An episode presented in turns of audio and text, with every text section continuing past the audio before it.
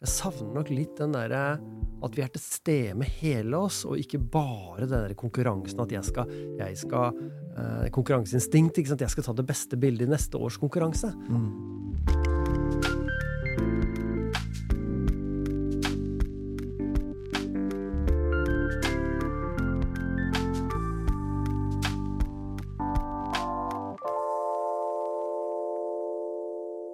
Velkommen til en ny episode av Fotopodden. I dag har vi fått en naturfotograf, dokumentarfotograf, journalist, Torgeir Wittersjø Skanke, til å snakke med oss.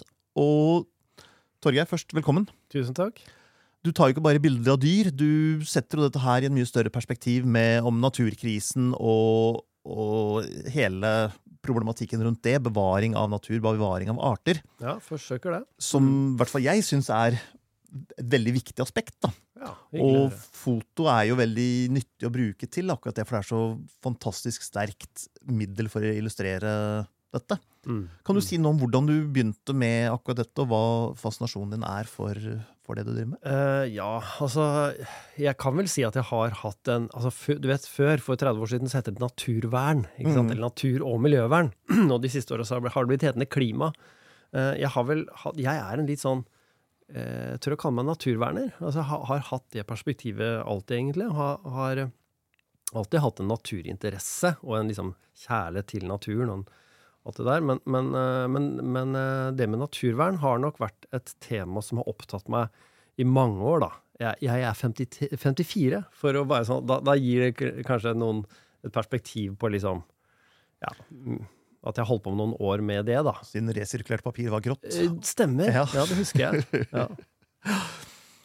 Nettopp. Så det var det det begynte med. Og så har jo det blitt eh, Altså, eh, som journalist, da, det er jo det jeg egentlig har vært i, yrkesutøvelsen min, så, så er det litt sånn Man skal være ikke sant, Man skal ha et nøytral, man skal være nøytral, man skal være kildekritisk, men tematikken og interesseområdene, altså et personlig engasjement der, det tror jeg er bare et pluss. For eh, og, så det har vært naturlig for meg å, å gå inn i sånne temaer også. Uh, og, og så har det blitt så har det liksom eh, Denne miljøverndebatten da, har jo endra litt karakter, ikke sant, fra de store vassdragsutbyggingene på 80-tallet, som det var veldig fokus, og samtidig med sur nedbør. Disse to tingene var jo kjempestore. Og så har det liksom tona litt ut. Og så var det ozonlag en periode, ikke sant. Og så, så kom jo plass til havet og klima for full guffe. Eh, og nå er det liksom Har det noen år egentlig bare blitt hetende klima? Mm. Og så har jo jeg sett hvordan naturen og økosystemene forvitrer samtidig. Men det virker som eh, naturens stemme blir litt mer sånn Ja, men det er litt Det er ikke så viktig. Det er litt sånn hyggelig utsikt, og det er liksom subjektivt, ikke sant? Det er for turgåere, men det er jo ikke det som virkelig er alvorlig, har jeg følelsen at mange har tenkt. Mm. Eh, og så er det dukka opp et ord som ikke er mange år gammelt, men som kalles naturkrisen. Og det er vel det vi skal snakke litt om i dag, da. Så det er liksom Det var kort. Korthistorien. Ja, veldig bra. Uh, før vi går dit, du nevnte stikkord som jeg bare vil veldig gjerne ta opp med deg først. Eh, at du da som journalist skal være nøytral og objektiv. Ja. Men går det an å være når man fotograferer noe sånne ting som dette her? For det vil jo alltid være ditt blikk på det. Det finnes Ja. vel ikke noe der som er egentlig Nei, objektivt? ikke sant. Man blir ikke eh, Altså, som fotograf Altså, jeg kaller meg jo liksom bevisst eh, Ikke fotojournalist, men fot journalist og fotograf. Altså, det for meg så er det Ja, det er en liten digresjon, men, men man skal eh, Det er klart at det, hvis man ønsker å dokumentere ikke sant, dette skjer, så blir eh, fotografi et, et, et virkemiddel for hvordan altså det, er jo, det er jo min, min agenda. Hvordan skal jeg vise dette her visuelt? Samtidig som jeg da jobb, kan jobbe som journalist eller som foredragsholder og fortelle eh, liksom, til et allment publikum hva som skjer. Så jeg, jeg bruker de visuelle virkemidlene selvfølgelig veldig bevisst på det.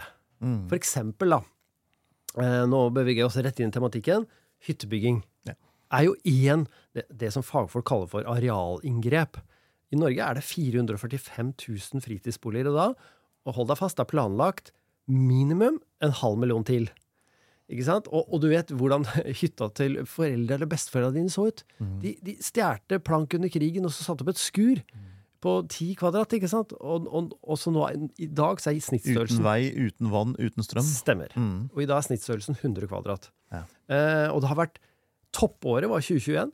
Da ble det satt opp 7445 hytter. Eh, så er det jo blitt en bråstopp nå. Men ikke sant, dette har økt vanvittig. Men nå holder jeg på å prate meg bort. Hva var det? Det var dette med nøytralitet. Som fotograf, da, for Ja. eksempel, så sier Ja. man at et fotograf, fotografi lyver ikke. Og det gjør det kanskje ikke før man begynner med kunstig intelligens, men det viser jo et 125 dels sekund av fotografens virkelighet. Ja. Men jo, nå, nå, skjønner du, nå, nå skal jeg ta fortsettelsen. For hvis du googler et bilde For hytter har aldri vært et problem. Altså i den norske offentligheten før, før nå. Og, og hvorfor det? Du kan google Sjusjøen. Eller noe helt annet hyttedestinasjon, vinterdestinasjon, og så ser du hvilke bilder som kommer opp. Mm. Det er snø, det er sigarer, det er, det er? Det, er, det ser så flott ut. Så da tenkte jeg, når jeg jobba med en dokumentarsak om dette her, som jeg kalte for Det norske hytteberget, det var vel i 2019, så, så dro jeg til hytteområdet, men selvfølgelig på barmark. Hvordan ser dette ut på sommerstid? Og sendte opp dronene. Og, og ja, resten er historie, holdt jeg på å si. Det er ja, det er eh, et helt annet visuelt inntrykk, da. Mm. Men det er jo veldig lett å lage akkurat det inntrykket man ønsker, for du kan jo ta bilde av eh, en serie med vindmøller som produserer ren energi med å ha skog rundt og alt ser fint ut. Ja. Eller du kan ta bilde av byggeområdet for en vindmølle, Ja. hvor alt bare er grus og ødelagt i svære områder. Ja, Um, så det blir jo veldig mye hvordan man Altså, det Ja. blir jo fotografens eller journalistens vinkling på det. Og der har du jo på en måte reklamefotografi, ikke sant, kontra, som viser, kan du si Hvis du går inn på alle sånne database, sånne iStock og sånt, så ser du jo alle disse som passer så fint inn i hva det nå skal være av, av publikasjoner som folk trenger bilder til. Men, men dokumentarisk fotografi, det, altså mange av disse, det, det som er på en måte det lettvinte da, med å dokumentere mange av disse naturinngrepa da, som skjer rundt oss, så, så er det Det gir seg sjøl, for det er så voldsomme inngrep. da. Så det å sende opp en drone ved en vindturbin og se på dimensjonene og ja, hva de har lagd av driftsveier og hogd av skog rundt der, eller størrelsen på det, sånn, det, det er liksom så Det er nokså Dette har vært nokså lett å gjøre, da, på en Mm. måte. sånn For det ser jo veldig tilforlatelig ut med 100 kvadratmeter uh, footprint. Men det er jo litt mer enn det som går med når man eh, det, det, Få er sett det, disse. det er det. Ja. um, så, Men har du Jobber du med dette her på en måte forsøksvis objektivt som journalist, eller har du her en agenda å vise hvor fælt det blir, og hvor ille det er, og at vi må gjøre noe med det? Ja, Det er klart at jeg har en agenda her. Det er det ingen tvil om. Og det, og det er eh, men, men jeg mener at det er det veldig sånn faglig dekning for å si, da, for å si litt mer om naturkrisen. Bare for å sånn informere liksom, lytterne om det. Så jeg kan komme med noen, noen tall. Mm. Og et, dette er jo blitt eh, kjent etter hvert, iallfall for folk som er opptatt av natur.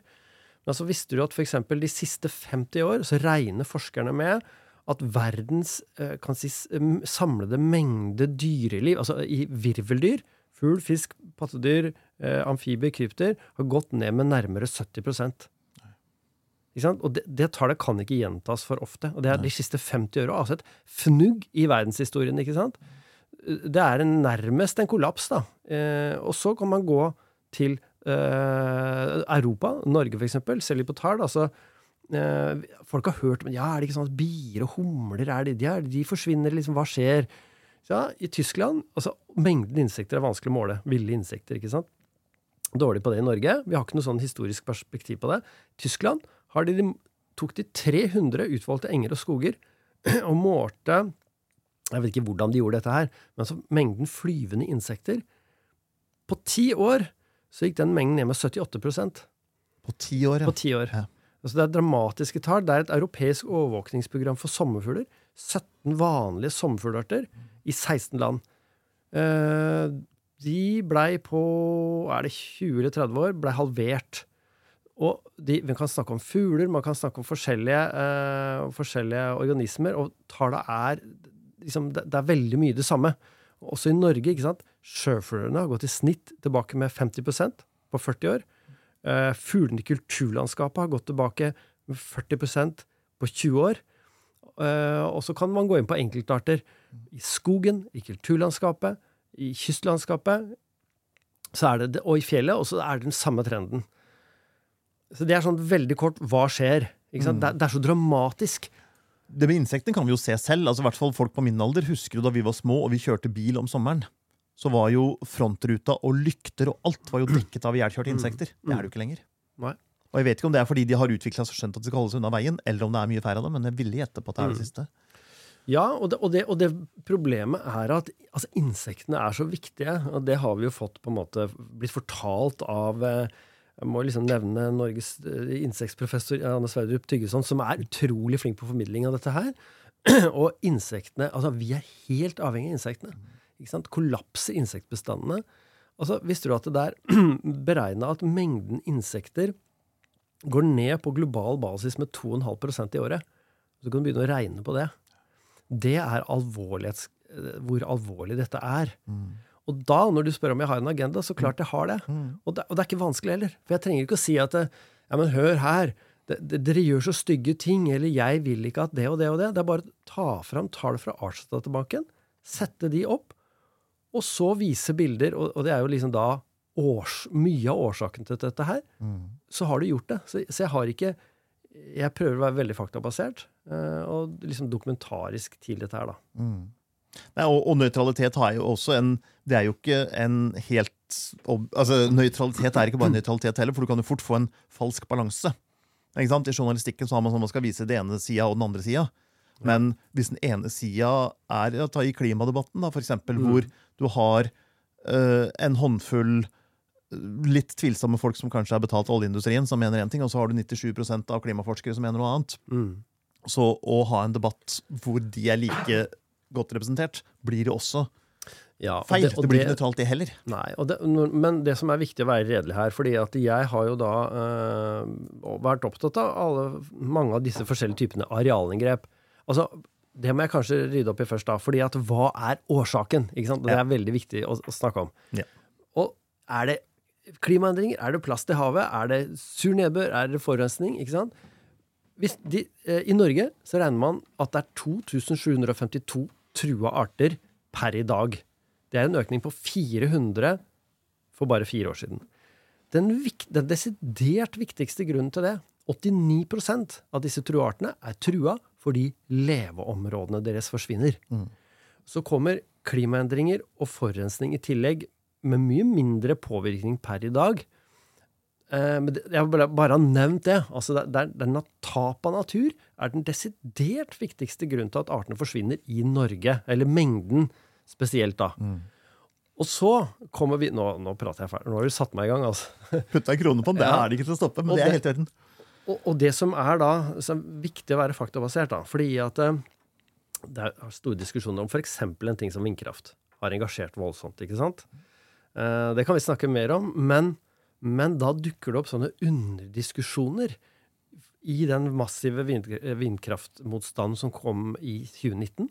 Da, det var da det først liksom løfta seg i Norge, for da, da kom det disse store planene om hvor vi kan ha områder egentlig over hele landet eh, med vindkraftproduksjon. Eh, og så dukker det opp eh, både liksom, engasjerte lokalbefolkning, turistforeningen var veldig engasjert, men også eh, klimaskeptikere. Eh, og der, der er jeg veldig sånn enkelt og greit. Altså, vi må forholde oss til forskning. Og, og for meg så er ikke det et tema engang. Altså, vi, vi har både en klimakrise og en naturkrise. Og vi må forholde oss til begge deler samtidig. Og de kommer jo av og til i konflikt med hverandre, men egentlig så henger de jo veldig tett sammen. Ja. For du kan ikke redde klima uten å redde naturen. Nei. Og du kan ikke redde naturen uten å redde klima. Nei. Så det blir veldig synd når det blir en konflikt. Men akkurat for Ja. i vindkraftdebatten Ja. så er det jo helt tydelig en konflikt. Ja. For å skape den rene energien vil ødelegge areal. Mm. Fordi i Norge så Der hvor det blåser mest, er der hvor folk befinner seg minst. Mm. Så jeg syns man kan sette opp sånt på Mongstad og i hagen i byen, og gjerne på hytta, for den saks skyld. Egentlig burde man jo ikke få sette opp en svær hytte uten også å sette opp en vindmølle, når man likevel skal ødelegge området.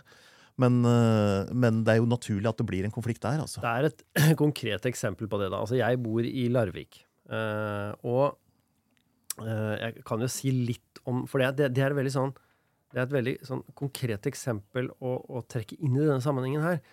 Minne i gåsehudene heiområder. Det er de traktene som ligger i altså, gamle fylkene Vestfold, Buskerud, Telemark. I grenseområdene der. Så det er noe som heter Vindfjell og opp mot Skrim. Mm. De traktene der, det er liksom minnet Du kan si at det er det områdets Nordmarka, da. Det ligner på mange måter. Eh, store skogområder. Hittil uberørt av vindkraft. Ikke langt unna så ligger eh, Yara Norge, altså, altså eh, tidligere Hydro. Yara er jo et underselskap som, som produserer gjødsel, blant annet. Mm. Norges største industriområde. Eh, og de har en visjon om å lage noe som heter grønn ammoniakk. Skal ikke gå sånn veldig i detalj på det, men de ønsker å produsere klimavennlig. ikke sant? Det er greia. Mm. Og for å gjøre det, så har de sagt at de trenger fire terawatt eh, timer eh, kraft årlig. Det er det samme som seks Alta-kraftverk. Ja. Enorme mengder kraft. For å sette det i perspektiv, så produserer vi vel rundt 150 TWh i hele Norge. Ja. Så hvis de trenger fire, så er jo det type 3% av hele Norges Det er enormt. Mm. Og de ønsker dette her for å lage mil altså, miljøvennlige produkter. Såkalt grønn energi, ikke sant? Altså, grønne produkter. Og da, da, da er jo ett av Og de har Altså, han eh, ja, Nå skal jeg ikke gå altfor mye sånn spesifikt inn i det, men greia er at i vinter så er det foreslått flere vindkraftprosjekter da i de nærliggende heiene til, til Grenland, Vestfold, da. Mm. Eh, det er da mine områder, eh, i gåseøyne, som jeg kjenner godt. Mm. Greia er eh, at det er det store skogområder som, som er jo sterkt påvirka av sko, altså skognæringa. ikke sant? Store områder med sånn planteskau, som de fleste som er opptatt av natur, vet at er langt fattigere enn den, det vi kaller naturskog. Mm. Restene av villmark i de heiene ligger på høydedraga. Mm. Der står den gamle naturskogen. Der står de vridde furuene. Der hekker perlegla. Der er det spillplasser. For der er det vanskelig å komme til med hogstmaskiner. Ja, og så er det lav bonitet. Altså, det er ikke noe særlig skogen. Det er Nei. ikke noe særlig hente der. Nei. Eh, Og der er det myrer. Det er ikke sant, spillplaster for både storfugl, orrfugl. Eh, Og du har, du har liksom egentlig eh, Det er sånne relikvier, pleier jeg å kalle det. Etter det som var en gang. ikke sant, Store villmarker. Mm. Og de høydedraga eh, det, er, det er jo så det Resten av villmark, der er det gunstig å, å anlegge vindkraft. For det er høyt oppe. ikke sant? Så har du skogsbilvær i nærheten, og du har kraftlinjer ikke langt unna. Mm. Det er det som nå er trua, eh, de siste restene av villmark, av eh, vindkraftplaner. Mm. Så det er jo et konkret eksempel. Mm. Og så er det jo litt Nå skal vi ikke snakke altfor mye om vindkraft, for dette er tross alt en fotopod, men det er jo en utfordring at vinden blåser jo ikke alltid.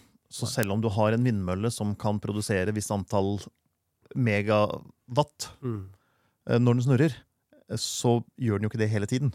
Så du kan ikke bare gange opp antall megawatt med antall timer i året og få antall megawatt-timer i året. Mm. Det er jo ikke sånn det fungerer med vind. Men det jeg skulle Altså, nå kommer jeg på en tanke, Erik. For at det, det, som, det, det jeg skulle ønske, da Vi snakker om vi fotografer, da, for Ja. å si det sånn.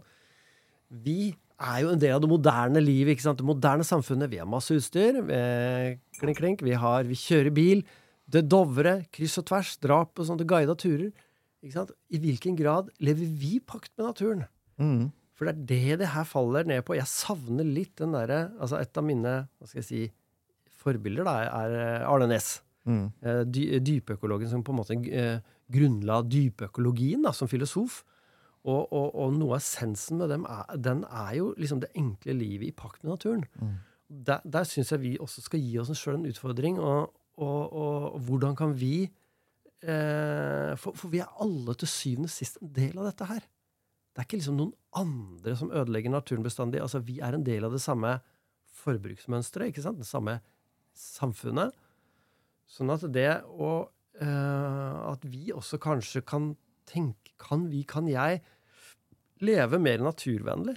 Miljøvennlig? Eh, for i større grad ta vare på de verdiene som, som vi elsker, ikke sant? Mm. Eh, sånn at Ja, nå ble det et hopp Mm. fra vindkraft til liksom Ja. verdisett. Men dette hører også Ja, sammen. men vi, vi må jo litt inn der, fordi at der fotografen kommer inn, og der du som fotograf kommer inn, det Mm. er jo muligheten og evnen til å gjøre en forskjell. Og Mm. gjøre folk oppmerksom på dette her. Og bruke et sterkt visuelt uttrykk for å fortelle folk hva som faktisk skjer. Ja. Um, og det syns jo jeg er så mye viktigere enn å bare gå ut i naturen og ta bilde av en ugle. Nå vet jeg at du har fått uh, signa en bok på Gyllendal med bilder av ugler. Det er litt hemmelig ennå. Er det hemmelig? Ja, okay, da, får du klippe det oss. Det går bra. Det går. det, kommer, det kommer. Men det er jo så Altså, artsbevaring, naturbevaring Dette her henger jo så tett sammen med naturfoto. Ja.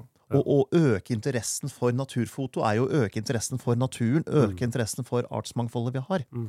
og for bevaring av det, det vi faktisk, de verdiene vi har der. Ja, så jeg savner kanskje litt den derre Sånn som Jon Østeng Hov. ikke sant? Han var jo også en del av den, den litt sånn 70-talls naturvernbevegelsen. Som hadde det genuint i seg, og som snakka genuint om, om bevaring av både arter og natur. Eh, også som fotograf. Og det, jeg savner nok litt den derre at vi er til stede med hele oss, og ikke bare den der konkurransen at jeg skal, jeg skal eh, Konkurranseinstinkt. ikke sant? Jeg skal ta det beste bildet i neste års konkurranse. Eh, så den derre eh, Jeg er kanskje litt gamlis, men, men, eh, men den derre mm, altså Det som de gamle gutta hadde, ikke sant? Nils Forlund eh, Jeg nevnte Arne Næss og Sigmund eh, Kvaløy. Altså, de var tenkere, og de, de sto for, for på en måte helhetlige verdier. Eh, og ikke sant? Også naturfotografene på den tida var en del av det. Eh, og det skal ikke si at de ikke er, ikke er de da, i det i dag. Altså, vi har jo Asgeir Helgestad, for eksempel, som er jo eh, fantastisk formidler av eh, Som har jobba med klima, som jobber også med naturtap. Men, men eh, formidler av dette her som står for noe, da. Mm. Så jeg, jeg ønsker det at vi kanskje litt mer sånn eh, har et brennende engasjement, i tillegg til å Vi skal ikke eh, glø... Altså, kamera er et verktøy. Det er ikke liksom Det er, det er ikke mer enn det. Nei. Nei, det er, jo, det er jo fotografen som er den som må formidle det. Seg. Ja, det er jo ikke ja. kamera som gjør det. Kanskje burde det være i disse fotokonkurransene så burde det være en kategori for naturmangfold, artsbevaring eller den typen ting. da. Dette er et tips til Natur og Foto når de har kåring av vår nordiske naturfotograf. Ta med en kategori om sånne ting. Så får dere med Torgeir også. Det er eh, det er, jo mange, det er jo mange naturfotografer som er involvert i dette her. Men en naturfotograf skal jo også leve. Og Mm. du får ikke solgt et bilde av hvor ille det har blitt. Du får Mm. solgt et bilde av hvor vakkert det er. Ja. Og det er kanskje en konflikt. Ja, det har jo vært diskutert en del. Da kommer man også litt sånn over i den diskusjonen hvor pent skal man lage et naturbilde, da. Mm. Uh, det, og det har ikke jeg noe fasitsvar på, men jeg, jeg kan nok si at jeg tenker at uh, det er viktig for en fotograf, og, og, altså enhver som fotograf, å tenke gjennom hva er det jeg vil fortelle.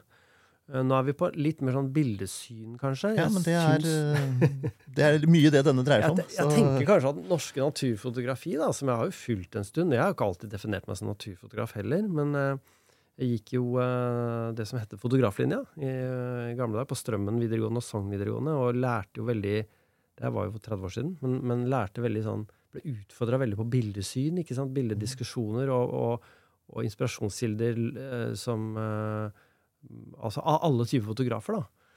Og, og det jeg tenker, er at det også som Jeg, jeg syns kanskje at den norske naturfotografi er litt kjedelig. Altså nå, nå, jeg, vet- jeg skal være veldig farlig å kritisere her, for det sitter jo i glasshuset og sånn, men, men det virker på meg som veldig manges inspirasjonskilder er andre norske eller altså andre naturfotografer.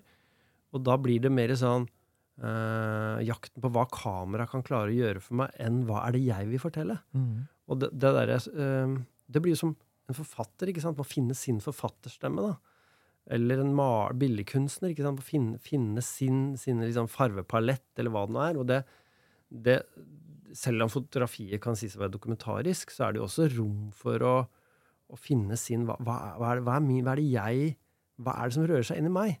Den savner jeg litt, og den, den, eh, den er det jo Det er jo en del fotografer som har tydelig signatur på bildene sine. Og, men for en del så kan man egentlig ikke se forskjell. For da, det første man lurer på, ikke er hvem som har tatt bildet, men hvilket kamera er det tatt med. Ikke sant? Og da, det er sånn, så da er vi kanskje litt over i en sånn kunstdiskusjon, da. Mm. Det, men det er noe som også er som jeg tumler med. Og jeg skal ikke si at jeg har noe, liksom, noe Men jeg håper jo at jeg er på vei mot noe, da. Som i hvert fall det mer kunstneriske tilsnittet øh, i bildene, da. Mm. Men er det lettere for deg fordi du også er journalist og også kan skrive og også kan holde foredrag? Hvis du er avhengig av å selge bilder, så må du jo ta ting som er attraktive for norske hyttevegger og norske høyfjellshotell. Ja. Og, Ja. Så man kan gjerne si at det blir veldig mye likt, men man kan kanskje ikke klandre dem heller. Så man Nei. kan selvfølgelig si at de burde tatt også andre ting på si, og så ta Ja. de vanlige bildene for å leve. Men Ja, eh, Nei, altså jeg er veldig sånn ydmyk i forhold til at altså det, er, det er mange hensyn her, da. Mm. Og det er hva man har lyst til å drive med og sånn. ikke sant? Jeg, jeg har tatt bilder som altså absolutt mange andre har tatt også. liksom sånn at Jeg er ikke helt, jeg skal ikke liksom framstille meg går Kan noe bare ta unike bilder. Nei, det, nei ikke sant? Men, men det, jeg, jeg syns det er veldig spennende det å altså Man kan også uh, levere bilder som er mer salgbare, og så kan man jobbe med mer kreativt sjøl hvis man har lyst til det. ikke sant? Eh, men jeg tror veldig på det å kombinere For det jeg ser, da I perioder så selger jeg jo en del bilder. Og, det jeg ser, er at eh, Det er bare en erfaring jeg har, at eh, de, mange av de som er kjøperne, har har vært mennesker som på en eller annen måte som kjenner meg i en eller annen sammenheng, og som, som kobler det mot meg. Det har jeg oppdaga litt etter hvert. Ja, men det er ikke bare bilder, men det er liksom noe med, noe med det jeg står for, eller et eller annet sånt. Og, Men da har du jo fått et navn. Det er jo sånn kunstnere blir ja, rike og velstående. De får et navn, for da kan de selge bildene sine mye dyrere. ja. Jeg skal ikke påstå at jeg er noen navn, men hvis du tenker på en kunstner som Magne Furuholmen, eksempel, jeg trenger ikke si mer, han er stor, stor bildekunstner, ikke sant? eller Mm. konseptuell kunstner, da. Men det hjelper jo at han har et navn. Ikke sant? Mm. Og, og det er det, Hvis du kjøper et verk av Magne Furuholmen, Furuholmen, så, så, uh, så er det også en ligger en signatur i det som du, som du uh, Så det, det er en sånn psykologi her. Så jeg tenker jo det at det å Igjen, det å stå for noe. uh, altså ha en, et verdisett, eller være noe du brenner for, eller et eller annet, det, det tror jeg også kan være en fordel. I hvert fall jeg ser at det er ikke noe ulempe for meg. Mm, Jeg ser jo at, uh, at det, det høres litt sånn teit ut å si det, men jeg ser at, jeg, at bildesalget har en del jeg, jeg, jeg blir faktisk mer sånn bevisst på hvem jeg er utad. Ja. Rett og slett på grunn av det. Ja. At det hjelper meg også å selge bilder. da. Mm. Ja. Og selvfølgelig holde foredrag og, og vise seg fram hjelper Mm. også på å selge bilder, for da Ja. får jo da. folk et, et forhold til deg. Det gjør det. Men du må jo ha noe å fortelle, da. Hvis du Ja. skal holde foredrag, så må du ha I hvert fall tenker jeg det. Du må, ville, du må ha noe å komme med. Mm. Må du ikke det, eller? Jo da, men det kan jo være dette dramatiske øyeblikket hvor du sto ansikt til ansikt med den svære bjørnen. Ja, Det kan jo være det også. Absolutt. Ja da. Det er jo masse røverhistorier man kan dikte opp når man Ja, er aleine ja. ute i skogen. Og det er ikke alle som, som, som Hva skal jeg si uh, det, er, det er For noen så er det skummelt ikke sant, å snakke foran en forsamling òg, så det er ikke Mm. alle som skal gjøre det heller. Nei. Så, men jeg har nok alltid vært opptatt av formidling, da, på alle måter. Da. Mm. Det, ja. Kan jeg snakke litt mer om boka du skal lage? eh, Eller spørre deg om den? Vente litt, tror jeg. Vente litt. Da venter vi litt med det. progress. Eh, Når du da tar bilder av naturen, Mm. eh, hvordan kobler du det til nettopp det du brenner for? Mm. Eh, altså Hvis du har bilde av dyr, da, Mm. særlig selvfølgelig tar du bilde av et byggefelt, så er det én ting, men tar du bilde av dyr, hvordan kobler du det til naturkrisen? For meg så har nok det Alle som holder på med naturfotografering, vet hvor vanskelig det er å ikke sant, Det enkelte bildet, da. Det er uttrykket i det enkelte bildet. Sånn at jeg eh, det, det å så klare at ett bilde forteller alt, det, det er jo selvfølgelig veldig spennende. Jeg er ikke, har ikke lykkes med det foreløpig, men jeg, jeg setter jo sammen i en sammenheng. Ja, For du bruker det sammen med tekst. Eh, Ja, og, og da bilder som skaper en veldig kontrast. ikke sant? Mm. Så Jeg holder jo et mye et foredrag som det har skifta litt navn, men det heter nå 'Villmark mennesker på ville veier'. Uh, og det skal jeg holde i, på søndagen, blant annet, oppe i, uh, på Elverum for over 100 mennesker. Og, det, og, og da setter jeg jo dette i sammenheng. Jeg viser jo ikke sant? Viser jeg de store hyttefeltene, viser jeg de store industriområdene, som firefeltsmotorveiene, og, og viser dette i- og, og snakker både sånn økologisk om sammenhengene med artene dette har, uh, som dette berører. Eh, og, og bare sånn veksling mellom Det er jo veldig lett, på en måte, da. Hvis du har bilde av en, en firefelts motorvei under bygging, så vet alle hvor enormt anlegg det er. ikke sant? Mm. Så, så hvis du da viser bilde av en art som, som kanskje holder til i et sånt type område, så gir det seg litt sjøl. Så det er den sammenhengen der. Vise dyrelivet i Det, det, er nok det, det er sånn jeg gjør det på foredragene mine. i hvert fall da. Men det er jo blitt en slags sånn stående vits i Norge at nei, eh, byggingen ble stoppet fordi noen fant noen hekkende salamandere. Ja, ja. Og det er ikke så Jeg mener jo at det er Det, det, det, er, det er noe i det, altså. Mm. For det, er, det er akkurat det som For noen, da, så er liksom bare en sommerfugl eller bare en salamander. Mm. Sånn er jo storsamfunnet. Hvilken verdi For det handler jo veldig mye om økonomiske verdier. Og det, man sier, ja, det er 100 millioner kroners prosjekt. Akkurat som da E6 over Lågendeltaet, Ja. som blei nå stoppa, men som krefter ønsker nå å få videreført det. Det er et veldig godt eksempel Ja, på og det det. krefter til og med innad i regjeringa, virker det Ja, som. ja. Som en dag er på et sånn naturmangfoldsmøte og skriver Mm. under avtaler om bevaring av naturen, og neste år prøver å, eller noen uker etterpå prøver å finne en vei rundt og kunne likevel bygge denne E6-en gjennom Men da er det eh, veldig viktig med dokumentasjon. altså Prøve å finne ut hvilke arter ikke sant? og så ha noe å komme med, og Mm. ikke bare sånn synspunkter rundt at ja, det er et naturreservat. Men det er for så vidt greit. Men jeg tenker at det, oppgave er å finne artene, eller finne dokumentasjonen, og vise det fram. Og vise, også kombinert med tall, f.eks. Uh, så det er liksom harde fakta som gjelder, altså. Mm. Noe av utfordringen her er jo selvfølgelig at akkurat den E6-en uh, der, den Det er ikke den som tipper vektskåla, men Nei. dette her er jo Vi har 300 og et antall kommuner i Norge. Mm. Alle sammen har litt for dårlig økonomi. Mm. Alle sammen har nå merker på presset om å bedre eldreomsorgen. Mm. De trenger litt mer penger. Ja. Hvis de setter opp det hyttefeltet, eller åpner for det hyttefeltet, Mm. så kan det dra inn millioner til kommunen, Ja. som er helt avgjørende for at de kan bevare øh, eldreomsorgen sin. Mm. Hvordan vekter man dette her? Nei, det er, det er veldig vanskelig. og- Skal vi ofre våre gamle for denne salamanderen? Ja, ja, ikke sant? Ja, ja. Men altså, det er at Problemet er da at vi har altså Tenk deg bare da vi vokste opp på 80-, 70-80-tallet eller noe sånt. Mm. Ikke sant? Så, som forbruket vårt Hvis du ser altså, jeg, jeg skjønner alle disse argumentene der, det tror jeg alle gjør. Men det er noe som heter World Overshoot Day, er det ikke det? Altså verdens, ikke sant? Når er det et land eller verden har brukt opp de såkalte ressursene? Mm. Ressurser, det er økosystemer. Mm. Når har vi kan man si, brukt opp eller ødelagt nok økosystemer for det året? Ikke sant? Det er der vi er. Sånn at det, altså, uh, riset bak speilet er at vi, vi, vi, eh, hvis vi fortsetter på den måten vi gjør nå, så vil vi få en, en så stor uh, pisk i ha... hva, hva- heter det? Altså, vi får en så stor rekyl, ikke sant? Mm. Bumerang. Mm. Sånn at da eh, jeg, skjønner det, jeg skjønner neste års budsjett, ikke Ja. Om det er eldreomsorg eller hva det er. Mm. Men, men altså på lang sikt så vil det ikke gå. ikke sant? Vi er helt avhengig av de økosystemene rundt oss. Det ser vi ikke nå, men vi kommer til å se det. Eh, sånn at eh, Og det er det som er den store pedagogiske utfordringen å fortelle. Mm. Og så er det kan si én, ikke sant, én tanke, da. Uh, hvis, hvis man blir utfordra på dette her, hva skal du gjøre? Ikke sant? For da vil, går jo alltid dass, eller sånn økonomisk. Ja, men, men det kan hende at vi, altså menneskeheten, etter hvert må vurdere Kan vi fortsette vekstspiralen? Ikke sant? Kan vi fortsette med, med vekst inn i himmelen?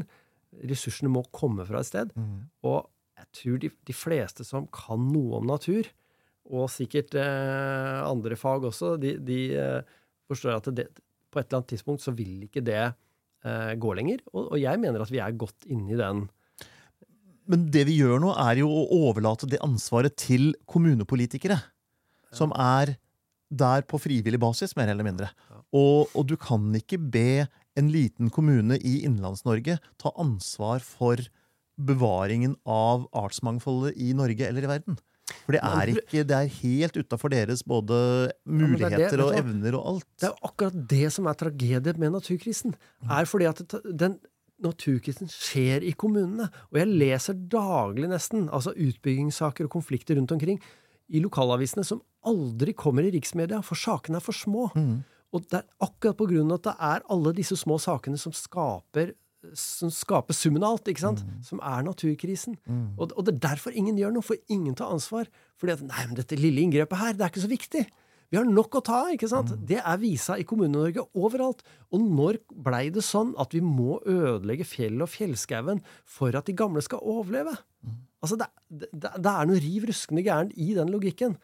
Og et eller annet sted forsvinner penga. Nå blir jeg litt sånn politisk her, men altså det, dette Nei, vi, Kjør på! vi- kjør på Hvis folk ikke vil høre på, så er det bare å enten spole eller stoppe. Jeg, jeg, eller... jeg, tror, jeg tror, hvis du spør meg, nå blir jeg sånn litt filosofisk, men at vi kommer til et punkt der vi er nødt til å gå ned i forbruk. Mm. For det kommer ikke til å være nok til å dekke opp alle disse ønskene våre.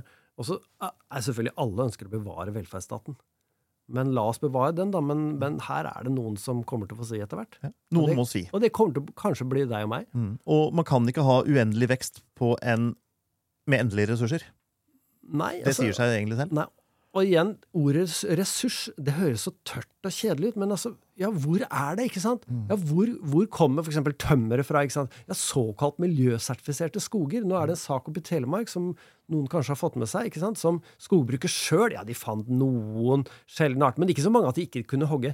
Så sender de inn da NRK inn uavhengige biologer og finner et fantastisk økosystem, ikke sant, som må bevares. Det er såkalte ressurser. Da forsvinner den gamle naturskogen, da forsvinner den ikke sant, mangroveskogen i Asia, eller hva det er, til hagemøbler. Fordi at vi skal e- få enda et nytt mølement, eller enda ny, noe, noe å kose oss med.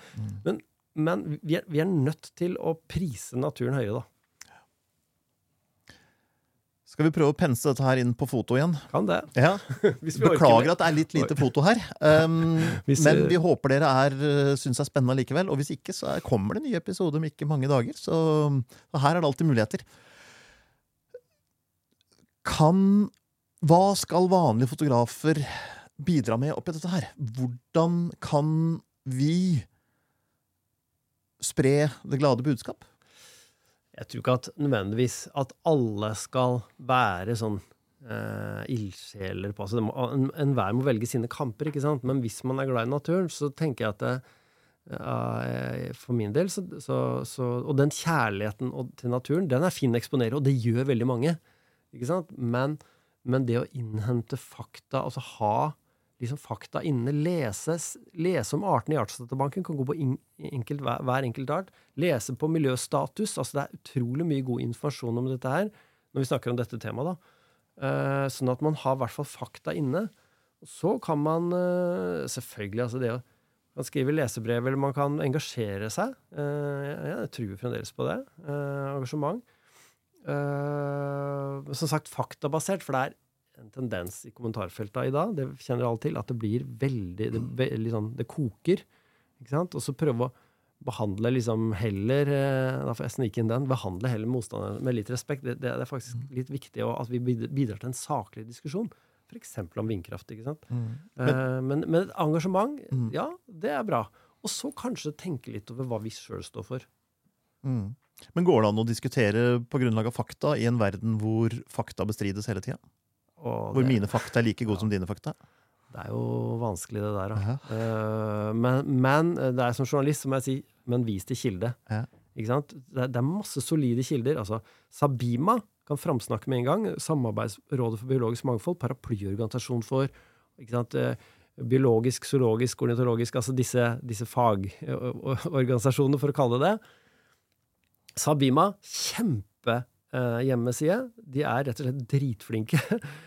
Vi, og en solid kilde.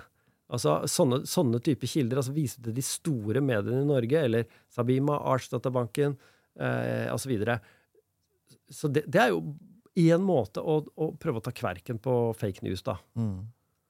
Eller så er det jo gå ut, ta bilder, dokumenter både hva som finnes, dokumenter hva som skjer.